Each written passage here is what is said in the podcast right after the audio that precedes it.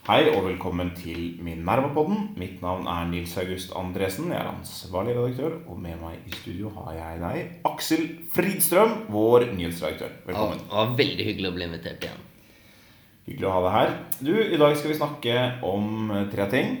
Vi skal snakke litt om uh, Ytringsfrihetskommisjonen. Alle gjør jo det for tiden, men vi har vår helt egen vri hvor vi skal fortelle om hvorfor alt er så gærent på venstresida, og hvorfor det er bedre på høyresida. Negativt om venstresiden. Det var, var veldig originalt uh, tema. Absolutt. Uh, og så skal vi snakke om homoterapi.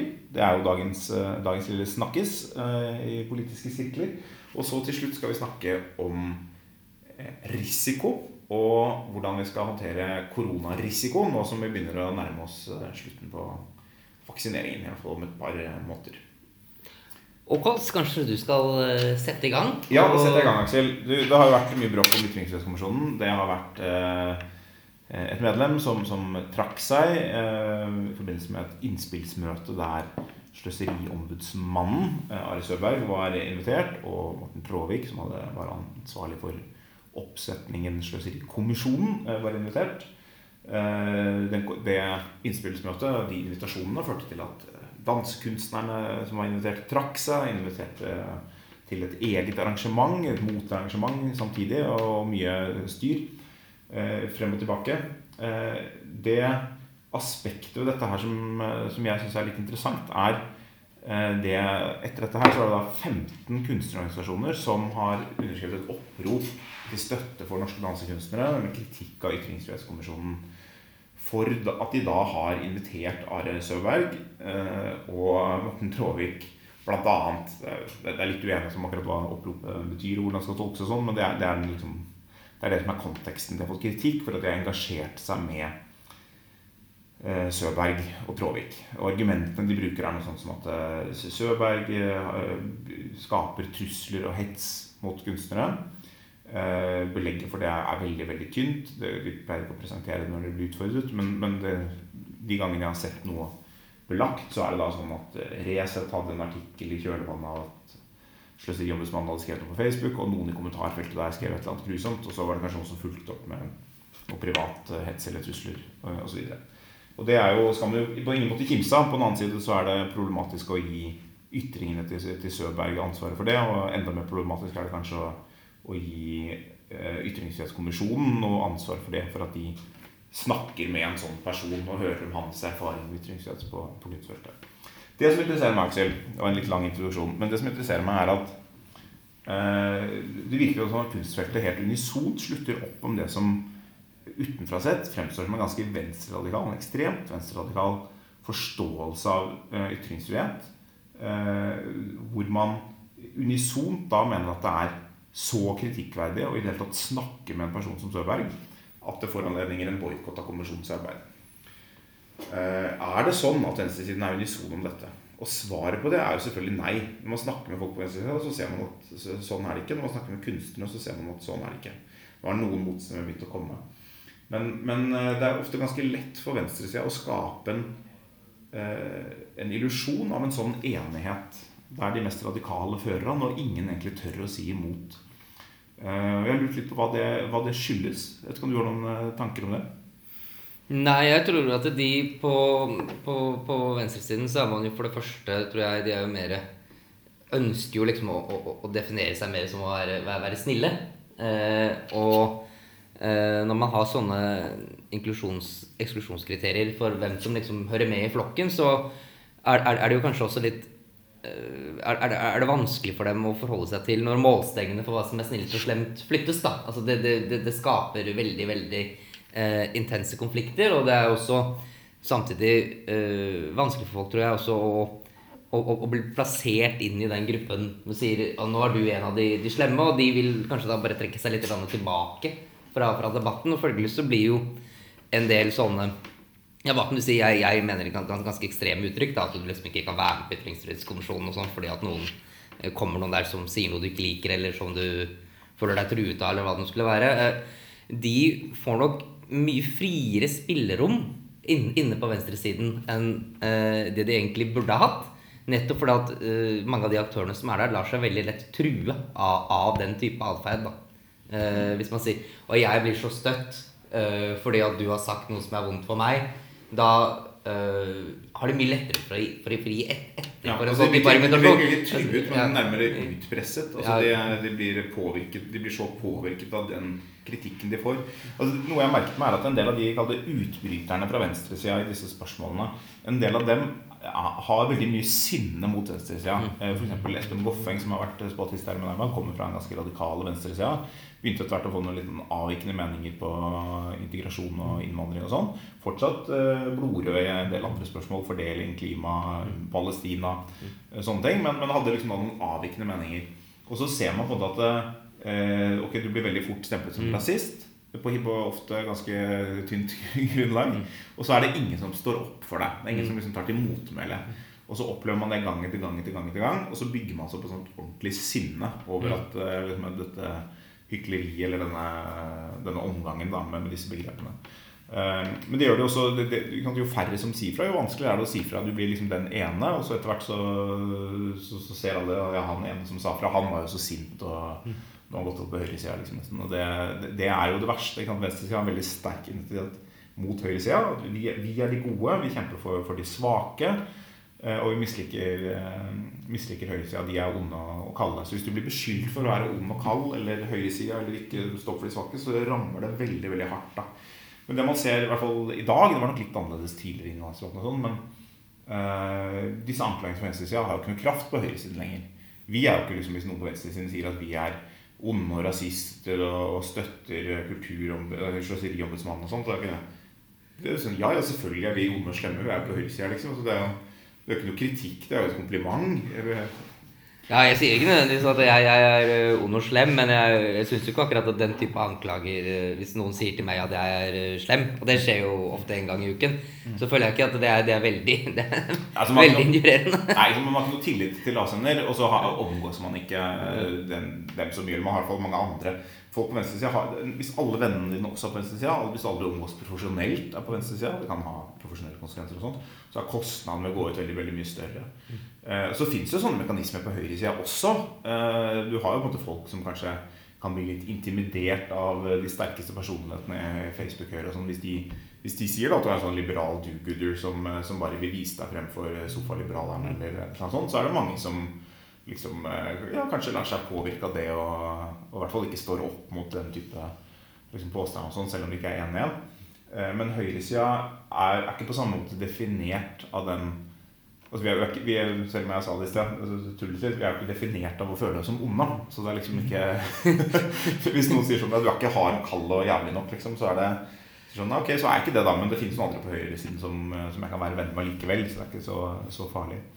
Så det har blitt en sånn, det har ikke alltid vært sånn, Dette avhengig av de politiske sakene. Noen ganger så kan dette ytringsklimaet være liksom, tyngende på høyresida av andre grunner. Men, men nå for tiden så tror jeg ytringsklimaet sånn internt er vanskeligst på deler av venstresiden. Så ser man at det er, det er, noen, det er noen miljøer på venstresida som, som går mot dette, og i en viss forstand driter i det. Eh, Klassekampen-miljøet er blitt et eksempel på det. Mimmi Kristiansson har fått masse kritikk for at han var med i Sløserikommisjonen og, og forsvarer det veldig frimodig, og har da oppbacking fra sin krets i, i Klassekampen-miljøet. Marius Gurdal, Bjørn Flåen, eh, journalister i Klassekampen som måtte stå på det synet. Eh, Så de, eh, jeg tror de har ikke noe problem med det, nettopp, nettopp også fordi de har et miljø rundt seg da, så, som, eh, som aksepterer at man ja, har ulike syn i den type spørsmål. Jeg tror at det, det miljøet er det som også kommer til å til slutt vinne den kampen, tror jeg egentlig, på venstresiden. Jeg tror at de vil ha øh, Det vil nok bli litt hong hongemeng. Ja. Følg med for mer håndgemeng på, på venstresida. Neste sak, eh, Aksel. Eh, homoterapi. Det var ditt forslag. ja, eller konverteringsterapi heter det faktisk. Eh, Men det er jo da de homofile som skal, skal konverteres. Eh, og dette har jo da eh, egentlig lenge vært en sak. altså Blant annet eh, tror vel, det er vel Foreningen FRI først og fremst, som har vært veldig, veldig opptatt av dette. Som, eh, og det handler jo da om å forby såkalt konverteringsterapi, som da er jo en form for terapi der man forsøker å, å avlære eh, folk sin homofili, eh, i den tro at det er mulig. Eh, og noe som ikke er en veldig utbredt praksis i, i Norge, men som det jo finnes. Det finnes jo en del sånne kristne miljøer for eksempel, som, som, som tilbyr det. Eh, Og øh, nå skal jo øh, det bli forbudt. Eller om det helt skal bli forbudt. Folk er ikke, man er ikke helt enige om man er fornøyd med, med, med forbudet. fordi at noen mener at dette forbudet er øh, definert øh, for smalt. Ja, altså det skal vel ikke det, skal, det skal da ikke bli forbudt annet enn i en begrenset utgave for folk over enten 16 eller 18 år. Det er vel det som liksom er Ja. eh, konfliktens kjernepunkt akkurat Ja. i dag. Så det er, det er et ganske snevert eh, forbud, og så er det noen som ønsker seg et enda videre forbud. Da, ikke sant? Eh, og jeg, jeg syns at denne saken er, er, er ganske, ganske interessant, fordi at eh, jeg skjønner Hvis jeg skal spekulere litt i motivasjonen hvor de som gjerne vil ha et veldig sånn omfattende sånn forbud om dette kommer ifra, ikke sant? så er det jo eh, Sånn konverteringsterapi, det, det sier jo noe om ikke sant? eh, Det ligger jo en, en implisitt antakelse der om at homofili er synd eller sykdom og den type ting, og derfor skal det komme en kur. Og de opplever jo det selvfølgelig som veldig injurerende, og egentlig med, med, med, med ganske god grunn. Man kan ha, man, man har forståelse for det, for det utgangspunktet. Det kan man for. Men det er veldig vanskelig egentlig å se for seg eh, hvordan du skal klare å lage et slags eh, si, konsekvent forbud mot konverteringsterapi. Da. Så la oss ta, et eksempel. Det er eh, La oss si at jeg er en eh, mann med tre barn, jeg har levd i ekteskap i 20-30 år. Eh, og, eller ti, ti år, da. Litt, litt kortere, så barna er litt eh, mindre. Og så finner jeg liksom litt ut etter hvert at det kanskje jeg egentlig er homofil. Ikke sant? Og så eh, er det jo ikke sikkert at eh, jeg kommer til den konklusjonen at det nødvendigvis er noe jeg ønsker å leve ut, eller ønsker kanskje å snakke med en psykolog om, om dette problemet. Ikke sant? Og da vil jo den psykologen kanskje måtte gi en eller annen form for, for råd, hvor det rådet kan jo være ja, slik kan du klare å, å, å leve med denne seksuelle frustrasjonen og fortsette i, i din vanlige familie, eller det rådet må kanskje være å skille seg og, og gå i tog, eller hva det nå er for noe. Men dette ville jo veldig fort, rent funksjonelt, være en eller annen form for konverteringsterapi. Det er i hvert fall ganske, ganske vanskelig å vite eh, hva eksempel en psykolog skulle gjort da, med en person som kommer til psykologen og spør om hjelp til å ikke leve ut sin seksuelle legning. Det, det ville åpenbart være kun potensielt et rammes av en sånn konverteringsterapiforbud. Men det er ikke innlysende sett eh, at, at det skulle være ulovlig. Ikke sant? Og og spør, spørre om den type råd. Nei, nei, altså Så det- det, de som vil ha et sånt forbud, egentlig vil, det er jo å stanse denne praksisen i sånne kristne miljøer. Men det er veldig rart å si at dette er forbudt dersom det blir begått i en menighet der det er kalt inn en karismatisk kristen fra Polen for å helbrede deg. ikke sant? Du kan, du kan ikke skrive en lovtekst på den måten. Eller dersom behandler også mener at homofili er synd, eller eh, et eller annet sånt. Altså, jeg tror det man undervurderer, er at de, det, det, det, man undervurderer de, juridiske utfordringene. eh, Og de juridiske utfordringene er der av eh, De eksisterer av en grunn, eh, nemlig at det er ekstremt vanskelig, og det skal veldig mye til å forby en frivillig transaksjon mellom to voksne mennesker. Vi gjør det jo vi gjør det på noen felt. De fleste av dem er i og for seg uheldige etter, vårt syn. Altså Man forbyr jo altså, salg av narkotika eller prostitusjon, som kan være i og for seg frivillige kontrakter. Men, men dette her området er mye vanskeligere å både å håndheve og å egentlig begrunne prinsipielt. Det fins aspekter man kan forby, som jeg og også mener at man bør forby. Sånn så, og det, det er vel også gjort nå. Men sånn som å reklamere for det, f.eks. Da kan man nok måtte si at det både er kvakksalveri eller altså det er eh, det, det finnes ikke den type evidens for at dette liksom er helsefremmende eller noe sånt. Eh, Det er mange andre helseting det ikke er lov å reklamere for. Eh, Så det kan man liksom tenke seg, men det å forby det fullstendig at to voksne mennesker snakker sammen om det, det er, det er juridisk veldig krevende. Og det er uh, jeg, jeg skjønner problemstillingen veldig godt. Jeg skjønner jo både hvorfor man har dette ønsket.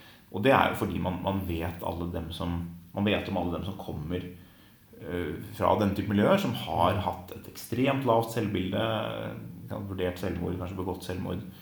Eh, Det er inntil så nylig at eh, retorikken var så dramatisk i den type miljøer, og litt lenger tilbake i, i hele storsamfunnet, så man har et behov for å liksom verne seg mot en del av disse tingene. Og så, eh, så blir det så fort sånn at når noen ser noe sånn som homoterapi, som jeg, jeg, tror stort sett er, eller ofte er i hvert fall, skadelige, eh, og ofte er begått av folk som, eller gjennomføres av folk som har syn på homofili, som jeg mener er eh, helt håpløse.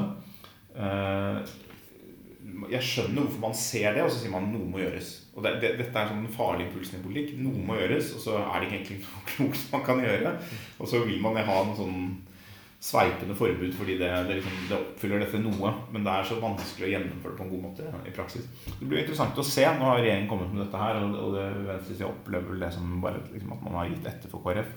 Det blir interessant å se hvis det blir et nytt flertall, når det blir et nytt flertall, kanskje si, etter valget, eh, om det faktisk er noe man klarer å gjøre noe med. Jeg tror ikke det er så veldig lett. Eh, du, du får i hvert fall noe du, får noen uh, interessante avgrensningssituasjoner og dilemmaer hvis du skal prøve å opprettholde et sånt forbud i en veldig veldig streng form. Men det er også litt sånn eksempel på Det vi snakket om i sted, med, med vanskelig for folk på venstresida å si imot. Altså, mener, det, er, det, er, så åpenbart at det finnes en del argumenter mot et sånt sveipende forbud.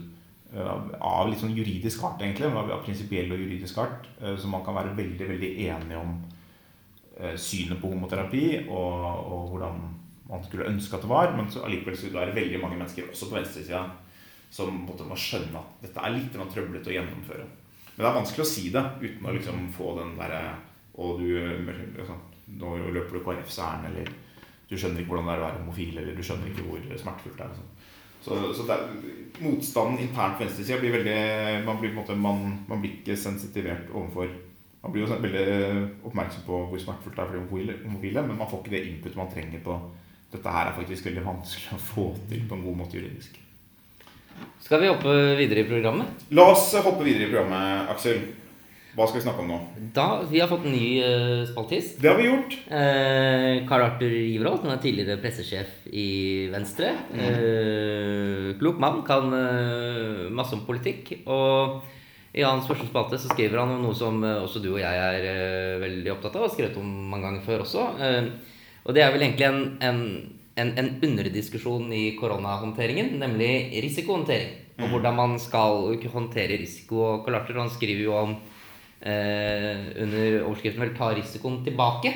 Altså, øh, og da med argumentet for at øh, enkeltpersoner selv etter hvert må få lov til å bestemme hva slags type risiko de vil ha, som jo er det diametralt motsatte av egentlig hva koronahåndteringen har bestått i. For det er jo kollektiv risikohåndtering. altså Vi inntrar eh, masse friheter for å begrense risiko for hele samfunnet som, som helhet. Og så eh, snakker jo han om, eller skriver om, eh, egentlig mye av det jeg også selv har, har skrevet om før, nemlig at eh, når eh, samfunnet er ferdigvaksinert, så, eh, som jo ikke er lenge til, så må man komme over i en situasjon der hvor folk i mye større selv grad må kunne bestemme hva slags type risiko de ønsker å ta, og hvilke type ulemper de er villige til å leve med i hverdagen sin. Eh, basert på hvor eventuelt redde de er for å få dette koronaviruset. Mm. Eh, og det er omtrent det samme som i og for seg også som, som jeg mener. Altså, eller jeg vil jo nesten Altså Hadde det ikke vært for at det var en mulighet for å få vaksiner såpass tidlig, så ville jeg ment at man måtte gjort det altså, på et mye tidligere tidspunkt. Men man kan forsvare å ha eh, veldig strenge tiltak over lang tid hvis du har et sånt lys i tunnelen hvor du kan komme på andre siden. Eh, hvor den kollektive risikohåndteringen gir en direkte gevinst. Men når vaksineringen er ferdig, så finnes det egentlig ikke så veldig mange gode argumenter for hvorfor staten skal kollektivt håndtere risiko like aggressivt som, uh, som tidligere. Altså Jeg vil prøve å bringe en, en litt uenighet til podkasten. Ja, jeg, jeg, tror ikke, jeg, tror egentlig ikke vi er så uenige, for vi har snakket om det tidligere, Aksel. Men, men uh, jeg vil bare understreke det For det første dette skillet mellom vaksinene og ikke-vaksinene, men også både hensikten med de tiltakene som ble innført tidlig. Mm det var jo ikke bare å begrense lidelse og død, men det var jo å unngå en kollaps i helsevesenet. Det var jo det som var styrende eh, opprinnelig.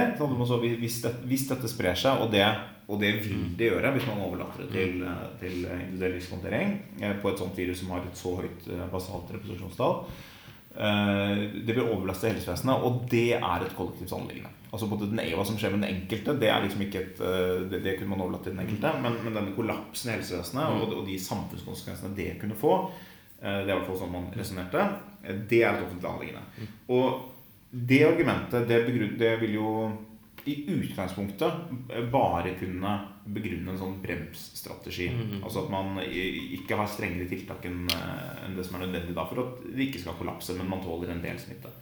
Og så er det to forhold som har gjort det litt vanskelig liksom, en, eller som har gjort det uklokt å ha en ren bremsstrategi. Det ene er at eh, eh vaksinene kommer. Mm eh, så da er det Da er det på en måte litt dumt å måtte ha veldig strenge tiltak, eh, og masse, men allikevel ha masse døde.